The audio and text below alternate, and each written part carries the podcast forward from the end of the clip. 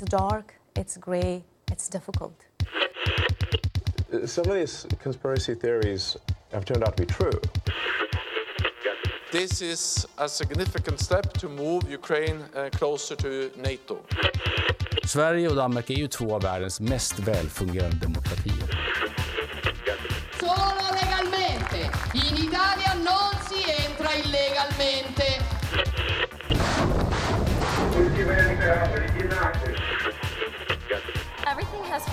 Place. I feel really good about where I am right now. Fredrickson of Denmark and uh, the, of Koma, daughter of Ireland. Do you guys ever think about dying?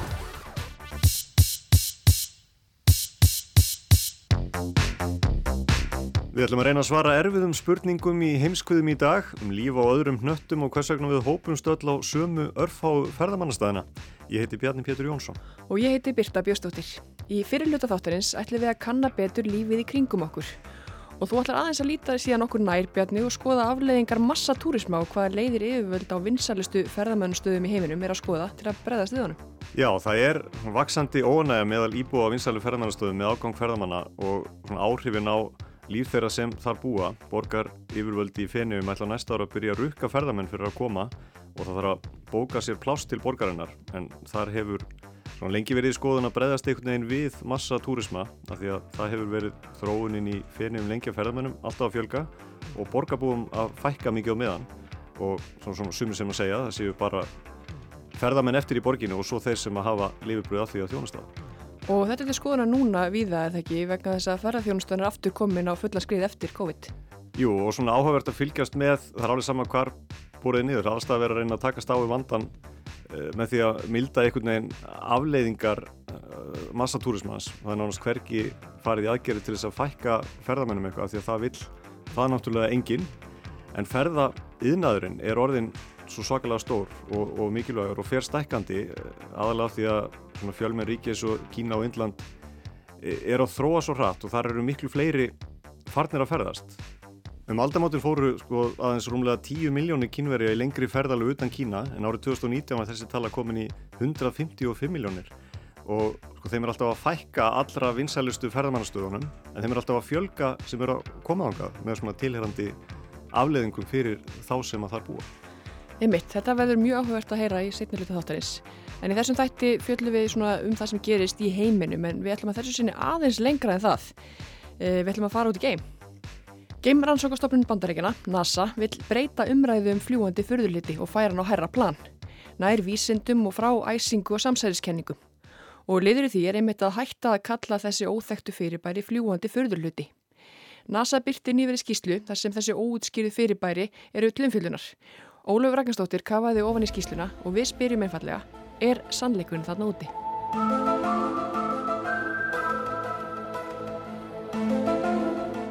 Ég veit ekki með ykkur kæru hlustendur en fyrir mig, mannesku sem var rétt að verða úllingur þegar fræðarsól sjómanstáttanna X-Files reysum hæst er nóg að heyra þetta stef til þess að fá hárin til að rýsa.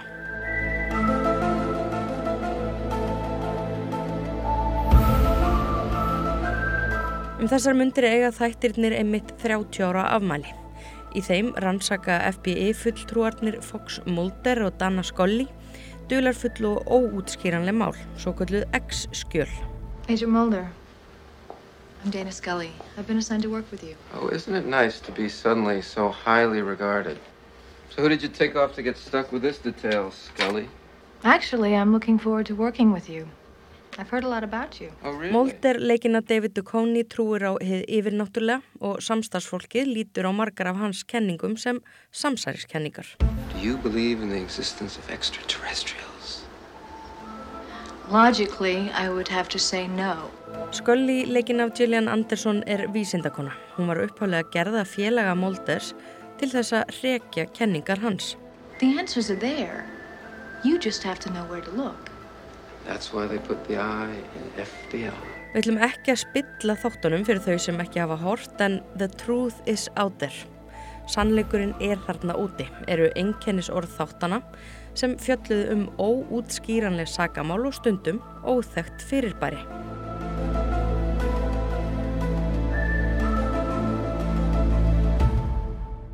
Og talandi um óþægt fyrirbæri, fregnir af fljúandi fyrðuhlutum vekja gerðnan mikla aðtegli. Þetta er þýðinga á enska hugtakinu Unidentified Flying Object eða UFO en nú mælist NASA til þess að það verði hægt að nota þetta hugtak. Nýja hugtakið er Unidentified Anomalous Phenomena, skamstafað UAP, sem við ætlum að þýða sem óþægt óvenjulegt fyrirbæri eða óþægt fyrirbæri til styttingar. NASA searches for the unknown in air and space. It's in our DNA. Í júni í fyrra skipaði NASA óháða nefnd sem fekk það hlutverk að rannsaka óþægt óvenjuleg fyrirbæri. Markmið nefndarinnar voru nokkur. First, to examine how NASA can use our expertise and instruments to study UAP from a scientific perspective. Bill Nelson, forstjóri NASA, útlistaði þau á fundi með fréttamönnum þegar skýrsla nefndarinnar var kynnt í síðustu viku. Í fyrsta lægi var það að kanna hvernig stopnunin getur notað sérþekkingu sína og búnað til að rannsaka óþægt fyrirbæri frá vísindalegu sjónarhórni. Second, shift the conversation about UAP from sensationalism to science. Í öðru lægi að færa umröðina um óþægt fyrirbæri á herra plan, frá upprópunum og æsingi í áttað vísindum. Liður í því er einmitt að hætta að nota hugtækið fljúandi fyrðulutir. Því fljúmenn og annað fólk sem verður vart við óþægt fyrirbæri upplifi skömm við að tilkynna. Hugtækið sé oft tengt við samsæriskenningar. Þriðja markmiði var gangur skugga um að hver sem niðurstaða hópsins verði er því hún gagsæ og aðgengileg um víða veröld. There's a global fascination with UAP. Nelson segir fólk um allan heim hafa áhuga á þessum málum. Á ferðum hans séu þau ofta fyrsta sem hann sé spurður um. Og áhugan telur hann stafa af því hversu lítið sé í raun vitað um þau. En aftur að óháðu nefndinni, hún er skipuð 16 sprenglarðum sérfræðingum, doktorum og prófessorum í til dæmis eðlisfræði, fluguriki og tölvunar og gagnafræði. And this is the first time that NASA has taken concrete action to seriously look into UAP. Fósturinn segir að þetta sé í fyrsta sinn sem NASA hafi skipulega og raunverulega rannsakað óþögt óvennileg fyrirbæri.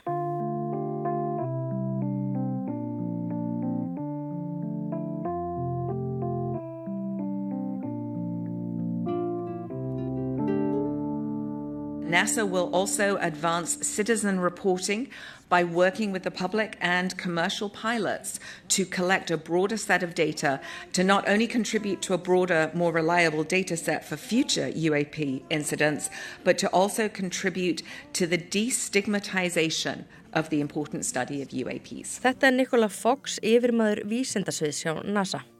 Hún segir að þau ætla að vinna markvist með almenningi og flugmunum að því að sapna fleiri og betri gögnum. Það eigi að stuðla því að draga úr skömm við það að tilkynna óþögt óvinnileg fyrirbæri. Stigma has limited reporting by pilots, both civilian and military, so we know there's missing data. David Spurgle er doktor í stjarnæðlisfræði og formaður nefndarinnar sem gaf út skýsluna. Hann segir að fólk vegri sér við því að tilkynna um óþögt fyrirbæri af ótta við smánun. Í máli sinu ídregaði Spörgul að NASA ætlaði að einbeita sér að því að stækka og bæta gagnagrunin í þessum málum. In this, the public's role cannot be overstated. The panel envisioned a framework that leverages crowdsourcing, possibly via smartphone applications, to capture a broader spectrum of data, ensuring more eyes and ears on the ground. Og þar gegnir almenningur mikilvægur hlutverki. Spörgul segir nefndina sjá fyrir sér til dæmis smáforrið sem fólk geti hlaðið niður í snjalltæki og komið þannig ábendingum á framfæri. Hann segir að sangat gögnum frá annari stofnun og vegum stjórnvalda sem kallast ARO sé hægt að útskýra flest tilvik sem tilkynnt sé um. Previous work from the ARO has shown that most events are explainable as planes, balloons, drones, weather phenomenon and instrument features. Það séu flugvilar, blöðurur, drónar eða veðurfyrirbæri. Spörgul grýpur til myndlíkingar til að útskýra leitað óþægtum óvenjulegum fyrirbærum. Hugsiðum að leitað nál í heistæki. Þá er gott að vita nákvæmlega hvernig nál lítur út og hvað hei er. Þar sem við vitum ekki hvað þessi óþægtu fyrirbæri eru er erfitt að leita þeim. En það er gott að sapna upplýsingum um allt sem er í kring og er útskýranlegt. Það er hegið. Þannig er auðveldra að finna eitthvað sem er óþægt og óvinnulegt. And many were wakened on hearing that sound. And travelers on the road, the village. And the top takeaway from the study is that there is a lot more to learn. The NASA independent study team did not find any evidence that UAP have an extraterrestrial origin. But we don't know what these UAP are. Helstu niðurstöðu nefndarinnar telur Nelson þær að enn sé margt ólært þegar kemur að óþögtum fyrirbærum. Nefndin fann ekki sannanir fyrir því að þau væru utan um geimi en veit samt ekki hvað þau eru. That's why I'm announcing that NASA has appointed a NASA director of UAP research. They are being tasked with developing and overseeing the implementation of NASA's vision for UAP research. Nelson ákvað því að skipa forstöðumann rannsókna á óþögtum fyrirbærum sem hefur þar hlutverk að þróa og hafa yfir umsjón með stefnu og sín NASA í þessum málaflokki. Sem sagt, NASA ætlar að setja meira púður í að rannsaka óvennuleg óþögt fyrirbæri og heitir því að ferlið verði gagsætt. And will continue to search the heavens for habitability. And NASA will do this transparently. So while today is a significant step for NASA, it's certainly not our final step. A spaceman came traveling on his ship from afar. Twas light years of time since his mission did start. Til að draga saman niðurstöður nefndarinnar þá eru þær helstar að koma upp gagnagrunni um málaflokkin, sapna í hann fleiri, betri og vísindalegri gögnum, eigða skömmunni og rannsaka hvort fyrirbærin hafi áhrif á flugöryggi. Tungumálið sem vísindafólk notar til að leið okkur í sannleikan um leindardóma alheimsins eru gögn, segir í skýslunni. Og NASA vill vera leiðandi í að koma upp aðferð til að sapna saman gögnum. Það þarf að gera skipulega og vísindilegan hátt og innan NASA er að finna mikla sérþekkingu á því sviði. Nemndin kemst einni að þeirri niðurstöðu að gerfigreind og vélnám gætu hugsanlega nýst til að finna sjálfgef atvik, eins og ferðir óþögtra fyrirbara. Fyrir þau sem ekki hafa heyrt orðið vélnám áður eins og ég sjálf er það undirgrein, gerfigreindar og tölvunafræði. Það snýst um aðferðir sem gera tölvum kleift að læra að leysa verkefni út frá gögnum einum saman. Grípum nú aðeins niður í meðmæli nefndarinnar. Óþægt, óvenjuleg fyrirbæri eru meðal stærstu lindardóma plánetunar. Við uh, mælum með því að NASA fái viða mikið hlutverk í viðlitni stjórnvalda til að læra að þekkja þau. Til þess notar NASA sína viðtæku sérfræði þekkingu og vísandalegar aðferðir. Við uh, mælum sérstaklega með því að NASA nýti jarðskoðuna búna til að kanna umhverfi og aðstæður í grend við óþægt fyrirbæri sem eru uppalega greint með öðrum hætti. Sem stendur finnast óþægt fyrirbæri oft með tækjum og tólum sem eru ekki hönnuð í þeim tilgangi og því vantar upp á gæði gagnana. Þá eru gögnin ekki geimt á skipulegan hátt og því er upprunni margara óþægtra fyrirbæra enn á reiki. Við mælum með að þetta veri bætt og til þess notuð sérfræði þekking NASA. Vísindi afhjúpa raunveruleikan frekar en mótan, sama hversu ófullnægjandi eða rugglingslegur raunveruleikin kann að vera. Þar með talin spurningin um hvort óþægt óvinnileg fyrirbæri séu utan úr geimnum í leita lífi annar staðar en á jörðinni, hljóta geimverur að vera síðasta tilgátaðan þegar allir aðrir möguleikar að hafa verið útulakaðari. Eða eins og Sherlock Holmes saði, þegar þú hefur útulakað þið ómögulega hlítur það sem eftir er að vera sannleikurinn sama hversu ólíklegt það er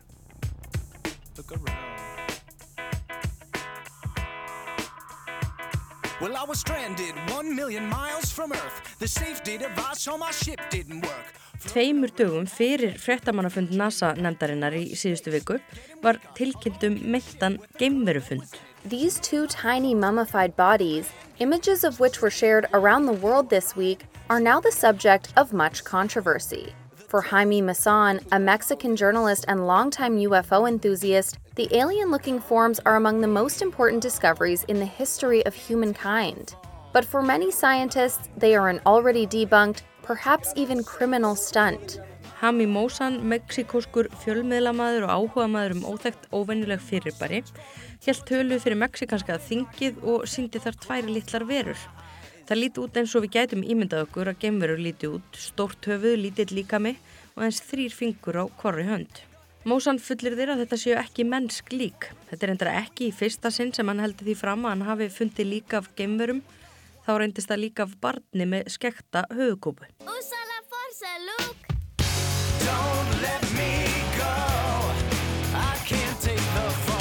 Í frétt Reuters segir að Mósan þykir þetta með merkustu uppgötunum í sögu mannkils en aðrir telli uppákomuna eitthvað sem þegar hafi verið rakið og til þess gerða að vekja aðtikli sem hún sannlega gerði víða um heim. Á fréttamannafundi NASA spurði fréttamaður BBC um málið. Has NASA been in touch with the Mexican authorities about the rather sensational revelations earlier this week of two allegedly non-human corpses and what, if any, importance do you attach to these discoveries? I think David had a, yeah. prep for that one. Spurt var hvort NASA hefði verið í sambandi við meksikósk yfirvöld og hversu merkilegt þetta væri. David Spurkle, formar nefndarinnar, svarar. This is something that uh, we, I, I know I've only seen on Twitter, so it's, you know, um, when we have unusual things, you want to make data public. I think of this as like NASA has one of the most valuable samples from outer space, lunar rocks. What do we do? We make them available to any scientists who want to work on this. Spurgul segist aðeins á að séð eitthvað um málið á Twitter. Hann segir að þegar eitthvað óvennulegt finnist ætti að gera gögnin aðgengileg.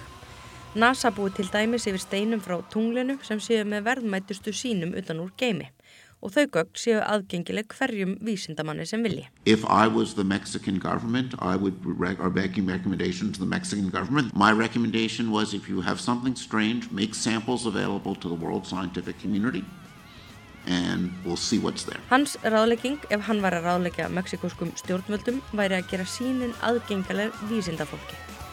Aðeins þannig sé hægt að meta hvað þetta er.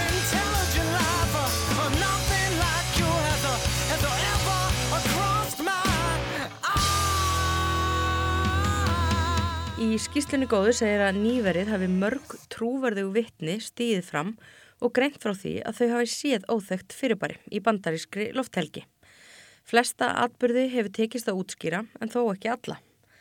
Forstuðumöður Ará, stopnunarinnar sem var nefnt hér áður og rannsakar fyrirbærin, segir að 2-5% þeirra atvika sem tilkynntir um séu raunverulega óútskýranleg.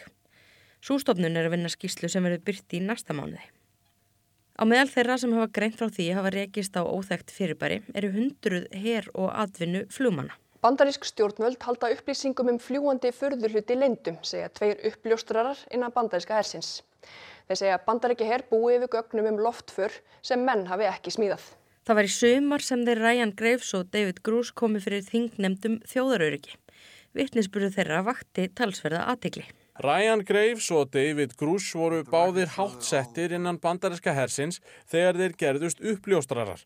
Þeir segja að varnarmálurraðunni til bandaríkjana búi yfir mun meiri upplýsingum um fljúandi förðhluti en það láti í veðri vaka. You've stated that the government is in possession of potentially non-human spacecraft. Based on your experience and extensive conversations with experts, do you believe our government has made contact with intelligent extraterrestrials? Something I can't discuss in public setting. Um, okay, I can't ask when you think this occurred. Grúser spurður hvort hann trúi því að bandarísk stjórnvöld hafi komist í tæri við gemurur. Hann svarar að hann get ekki rætta á ofinbörla. Grús segir að bandaríkja stjórn hafi undir höndum gemfar sem mögulega sé ekki búið til á fólki. Gemfar sem hafi hrapað á bandarískri grundu. If you believe we have crashed craft, uh, stated earlier, do we have the bodies of the pilots who piloted this craft? As I've stated publicly already in my News Nation interview, uh, biologics came with some of these recoveries. Yeah. Um, were they, I guess, human or non-human biologics? Non-human, and that was the assessment of people uh, with direct knowledge on the program I talked to that are currently still on the program. Hann er spurður hvort líkamslegar hafi fundist og hvort þar séu af manni eða ómennskar. Grús segir að þær séu ekki mennskar og fullirðir að það hafi verið mat fólk sem hafi þekkingu á þessum málum. Hoppum nú aftur á frektamannafund NASA þar sem vitnisspurður Grús kom til tals. Do you believe what Mr. David Grush said or is he lying? Uh, you would want me to give a personal opinion? Yes, please. Uh, of what he said. Uh, uh, what he said, if I recall having seen this uh, on the nightly news. Það er Bill Nelson, fórstjóri NASA, sem er beðin að svara því hvort hann trúi grús. Whatever he said, where's the evidence? Is also- my well- response. Excuse me. He also said that he did interview over 40 employees at the Pentagon. A long time ago, there was a TV show, uh, Jack Friday, and he used to say, just the facts, just the facts. Show me the evidence. Thank you, sir. Það hjá NASA eru söm við sig, Nelson byður um sönnunagögn og staðirindir og svarar spurninginni ekki frekar.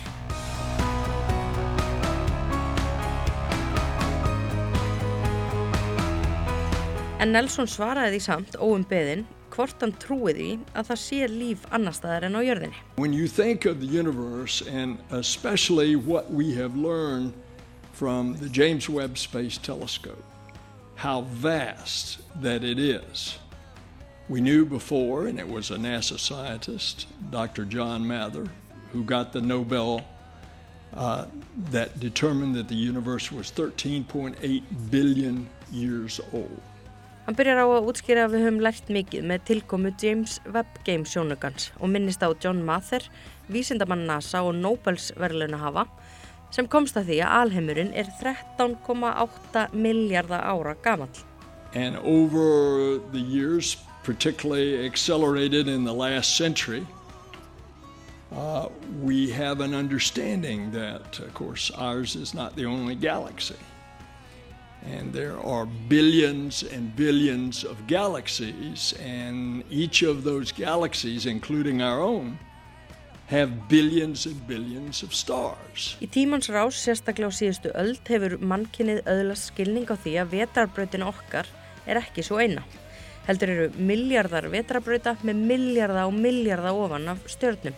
And with the James Webb looking at the exoplanets, we are now beginning to discover Nelson segir að það komi að því með hjálp James Webb sjónugans að við uppgötum aðra plánutu, svipaði jörðinni, sem snúist í kringum sól eða stjörnu þar sem líf þrýfst. And somewhere out there, we will discover another medium sized stony planet around a medium sized sun or star at just the right distance, not too far, not too close, with a tilt in its axis that rotates, that has carbon, that will have a habitable atmosphere.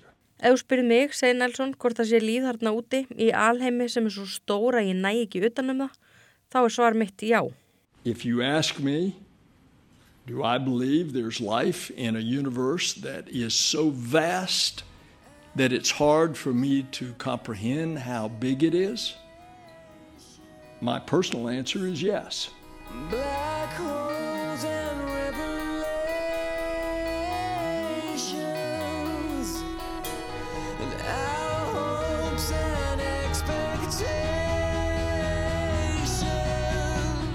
But I asked some of our scientists.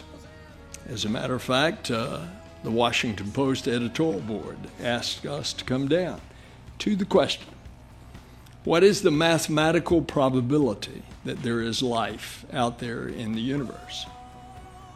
And if you calculate in billions of stars, in billions of galaxies, that there's replicated what I just said, another stony planet.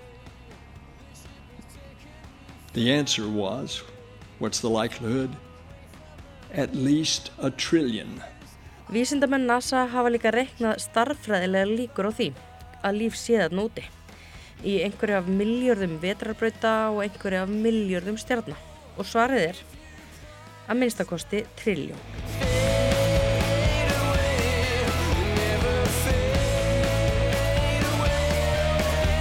Og frá víðernum alheimsins ætlum við til Ítalju, nána tildegi til Feneja. En þar stendur til að grípa til aðgerða og reyna að fækka ferðarfólki sem þanga kemur. Bjarni Pétur tekur nú við.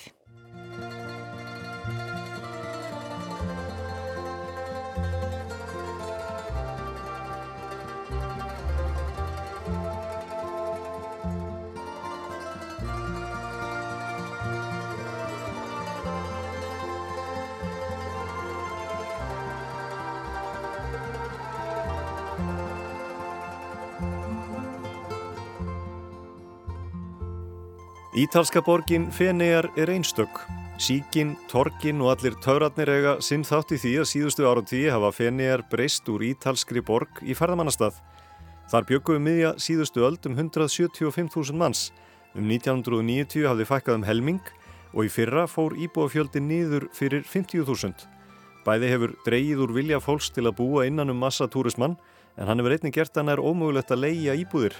Legan hefur hækkað hratt því sífelt fleiri leia eignir sína ferðamennum.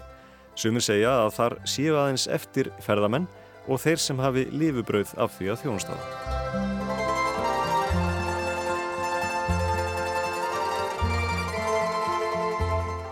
Borgin Feniar er aðeins á um 7,6 ferkilometra svæði. Til samanburðar er heima í næstum helmingi stærri og nálgast Vestmanneigabæri að vera byggður á jafnstóru svæði og Feniar. Þangað komu næstum 13 miljónir ferðamann árið 2019 fyrir heimsfaraldurinn og búist er við að fjöldin verði enn meiri í ár. Til samanburðar koma árlega hinga til lands um 2 miljónir ferðamanna en því er spáð að þeir verði um 3,5 miljón árið 2030. En það er bara einn fjórði af þeim fjölda sem heimsækir fenegar á hverju ári og hér á landi er talað um mikinn ágang ferðamanna og nöðsinn þess að breyðast við en þá er hægt að ímynda sér að fjórfald af þann fjölda sem kemur til Íslands árlega og reyna að koma um öllum fyrir í Vestmanniðum. Þá væri ástandið orðið svipa því sem er í fenniðum og þar hefur lengi verið rætt um að grípa til aðgerða til að breyðast við. Og það á þetta við miklu víðar. Á sumum af grísku eigunum er uppi hugmyndir um að temperatúrismann. Til Santorini kom árlega um 2 miljónir ferðamanna sem er álíka margir að koma hinga til lands en þar búa um 15.000 manns. Ferðarþjónustan stendur undir fjórðungi grísks efnahags og það er því mjög mikið undir. En það er ekki bara til skoðunar á grísku eigunum að breyðast við. Á Akropolis hæði í aðeinu stendur til að takmarka komur ferðamanna við 20.000 á dag og yfirvöldi, og yfirvöldi fleiri ríkjum íhugað að grípa til aðgerða. En við skulum skoða betur hvað stendur til að gera í fennu.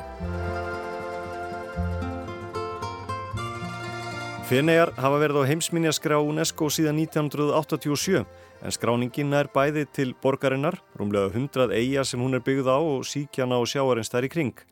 Fyrir á þessu ári kvatti stjórn UNESCO, menningar og vísindastofnunar saminuðu þjóðuna til þess að Fennium yrði bætt á lista yfir heimsminjar í hættu. Það yrði engum til að tryggja framtíð borgarinnar og strand lónsins umhverfisanna. Hætta sér á óafturkræfum skemdum vegna ágangs ferðamanna og lofstafsbreytinga. Og eins og áður sagði hafa borgar yfirvöld lengi íhugað að breyðast við ástandinu með ykkurum hætti, reyna að takmarka fjöldaferðamanna eða fá frekar þá sem verja lengri tíma og meiri fjármunum í borginni og nákvæm hennar. Um áramót á að koma upp einhvers konar bókunarkerfi þar sem ferðamenn panta sér dvalatíma og greiða fyrir daginn 5 eurur, jafnverðir umlega 700 íslenska króna. Öllum 14 ára og eldri verður gert að greiða gjaldið en gert er áfyrir að það ná aðeins yfir mesta ferðamannatíman og myndi þó líklega gilda frá mæ og út september. Rukkaverður fyrir 30 daga á næsta ári til að byrja með, aðalega helgar yfir sumartíman en útfæslan verður kynnt nánar síðar. Simone Venturini, ferðamálastjóri borgarinnar, segir gjaldtökuna á tilrunastígi en hún hefjist á næsta ári því nú sé tími til að grípa til aðgerða. Turismo diverso, meno quantità e maggiore qualità. Per arrivarci serve un lungo percorso, iniziato ormai due anni fa, che vedrà una fase sperimentale da quest'estate con una prenotazione della visita. Borgar yfirvöld vilji minni fjölda og meiri gæði, færri ferðamenn en sem dvelji lengur. Ekkert gjald verður fyrir þá sem gista í fenniðum yfir nótt en það langt flestir sem koma þangað í dagsferðir og virjast margir hverju koma aðeins til þess að haka í bóksið og hafa komið til þessarar einstöku borgar. Og þessum aðgerðum fagnar meiri hluti íbúa.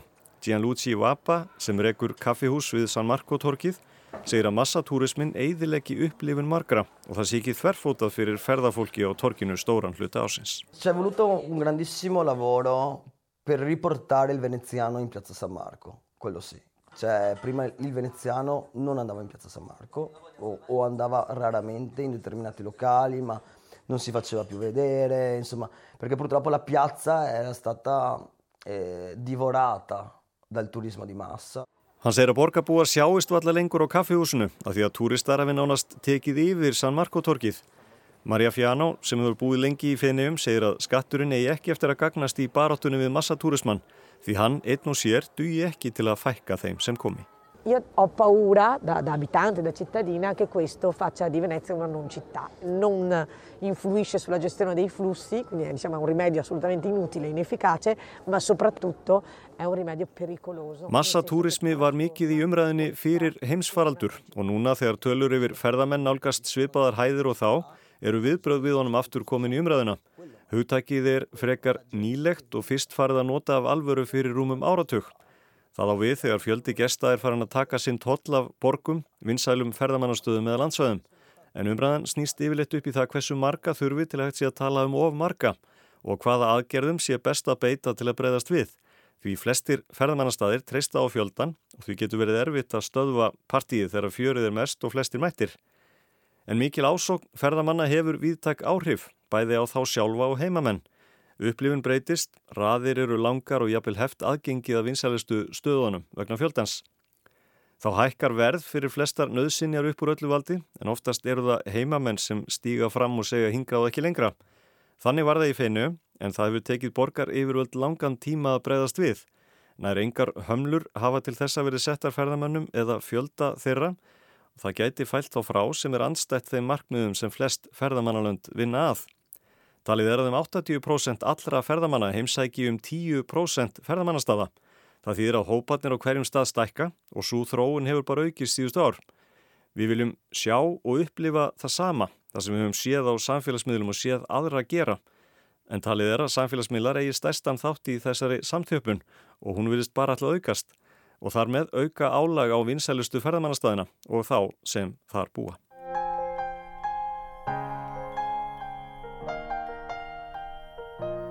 Alpafjallaþorpið Hallstatt er einn af þessum ofur vinsælu ferðamannastöðum. Þar búa um 800 manns en þanga koma stundum rúmlega 10.000 ferðamenn á dag yfir sumarið.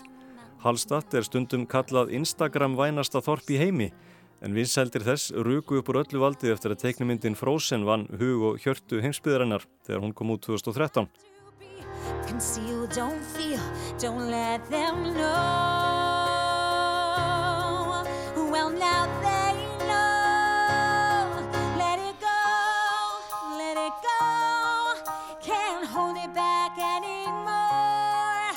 Talið er að fjallaþorpið Arendel í myndinni eigi sér fyrirmynd og hún sé alpaþorpið Hallstatt. Það var fjallað um það í söður kóreskum sjónvastætti árið 2006 og það hefur notið mikill að vinsælda meðal ferðamanna frá Asju, sérstaklega söður kóru, sem hafa flikstangað í stórum hópum síðustu tíu árin. Background for Frozen. Ah, the Disney movie. Yes. It, and when I'm here, yeah, it kind of looks the same. I think Hallstatt is very famous for the Korean because everywhere it's the Korean, Korean tourists. Og það er sjálfnast saga Þorpsins sem dregur að túrista en hún er mjög merkileg. Hallstatt er á heimsminaskrá UNESCO en það hefur salt verið unnið úr námum í næstum 3000 ár og líklega er ekki heldur reyna fjallaloftið, bjórin eða vínar snitselið sem að laðar að ferðamenn heldur er það tækifæri til að taka myndina þessa einu sönnu sem að sínir að þú hefur komið í frósen þorpið í austurísku ölpunum og þá er tilgangnum náð. What you generally do is that for a reference check you go to check how the pictures are and Instagram was definitely one of them because a lot of tourists upload pictures over there. Uh, we're hoping to get a little bit of sunshine this time so let's see if that, that works. It would be better for the pictures. Absolutely, better for social media. Heimamenn hafa haft hortn í síðu ferðamanna lengi því þorpið er lítið og þólir ítla þennan mikla áhuga á ágangin sem honum fylgir. Og sorglegast af öllu, segir heimamaðurinn Erik Harlander, það eru svo margir aðrir fallegi staðir í Östuríki en það kvarlar ekki að öllum þessum ferðamönnum að skoða þá. Es gibt nicht nur Hallstatt in Österreich, es gibt tausende wunderschöne Plätze. Das ist auch schade, es ist nicht, dass, dass die, die Leute... Heimamenn gripu til aðgerða um síðustu mánaðamót og lokuðu hluta úr degi einbreyðum göngum, einu leiðinni að þorpinu til að krefjast aðgerða frá yfirvöldum til að fækka ferðamannum. Bæjastjórin Alexander Sjöts segir að það sé engin sáttur við ástandið sem sé eiginlega óbærilegt. Það þurfa að finna einhverja laust sem tryggi að færri komi. Im Ort Hallstatt niemand finden, der sagt, er ist mit dieser Situation zufrieden oder es gefällt ihm so, wie es ist. Es ist teilweise an, zu gewissen Tageszeiten äh, unerträglich schon geworden. Es geht jetzt nicht darum, dass wir Lösungen brauchen, Fáir glöttust jafn mikið yfir áhrifum heimsfaraldurs á ferðamenn og bæjastjórin og íbúar Holstadt. Síðustu ár hefðu verið viðráðanleg þegar um 3000 rútur komið árlega til bæjarins en þær voru rúmlega 21.000 árið 2019. Flestir sem koma til Hallstatt eru kínverjar en það hefur mikið breyst og sífelt fleiri ferðast. Árið 2000 fóru aðeins rúmlega 10 miljónir kínverja í lengri ferðalögu utan Kína. Árið 2019 var þessi tala komin upp í 155 miljónir. Bæjar yfirvöld hafðu því miklar áhyggjur þegar ferðatakmörkunum var aflétt í Kína fyrir á þessu ári að ströymurinn færi af staða nýju og það hefur orðið raunin. Kristján Sjölbáer hjá samtökum ferðarþjónustunnar í Östuríki segir að það verði að finna milliveg því svo margir íbúar lifi af ferðarþjónustunni og án hennar myndi harna á dalnum í Hallstatt. Wir haben natürlich viele Gäste da, aber wir sind auch eine Tourismusdestination. Viele unserer Einheimischen leben vom Tourismus. Und, uh, og það eru ímislegt verið reynd. Rútuferðum til Þorpsins voru setta skorður. Fyrir nokkrum árum komu dagar þar sem yfir 100 rútur fullar af ferðamannum komum til bæjarins. Komið voru upp bókunarkerfi í fyrra og núna eru þar 30 til 35 á dag. En þetta hefur ekki orðið til þess að ferðamannum fækja ráði. Þetta hefur verið reynd víðar með misjöfnum árangri. Vinsalustu evrósku borgirnar, París, Róm og Barcelona eiga allar langar sögur af einhvers konar temprun og hafa sett fjöldatakmarkarni við suma vinsalustu viðkomastöðunum. Smæri bæir eða afskektar eigur eiga erfiðara með slíkt en geta stundum stýrt við betur þegar flestir færðamenn koma með skemmtifærðarskipum en ekki rútum. Í Fenium voru komur skemmtifærðarskipa takmarkaðar 2021 Það var líka gert í Marseille í Fraklandi og Orkneum í Skotlandi en þangað koma rúmlega 200 skemmtifæraskip í ár en fjöldin var takmarkaður vegna óanægu íbúa með að þau varu orðin allt og mörg. Komur skemmtifæraskipa til Amsterdam í Hollandi voru bannaðar í sumar en skemmtifæraskipin líta margir hotnauga því þeim fylgir oft mikill fjöldi fólks yfir mjög stutt tímabill.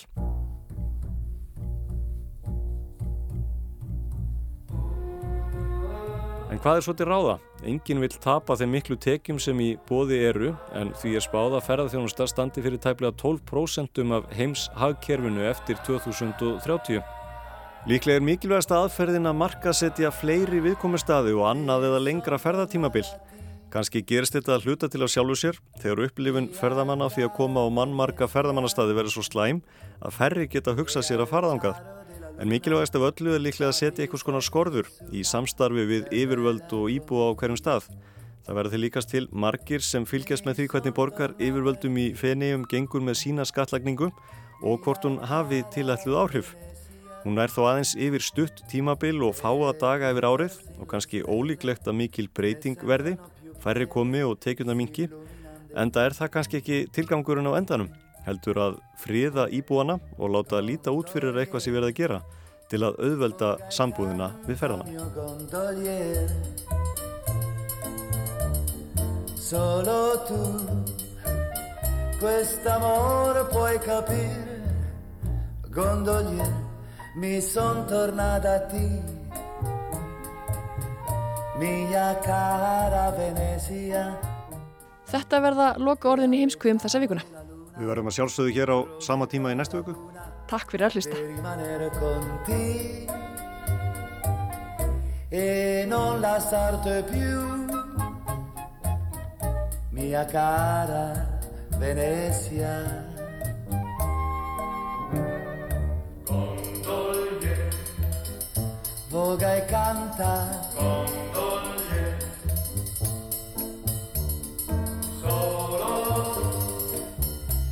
quest'amore puoi capire. Mi son tornata a te mia cara Venezia e al ciaro della luna prometto alla laguna di rimanere con te e non lasciarti più. Mia cara Venezia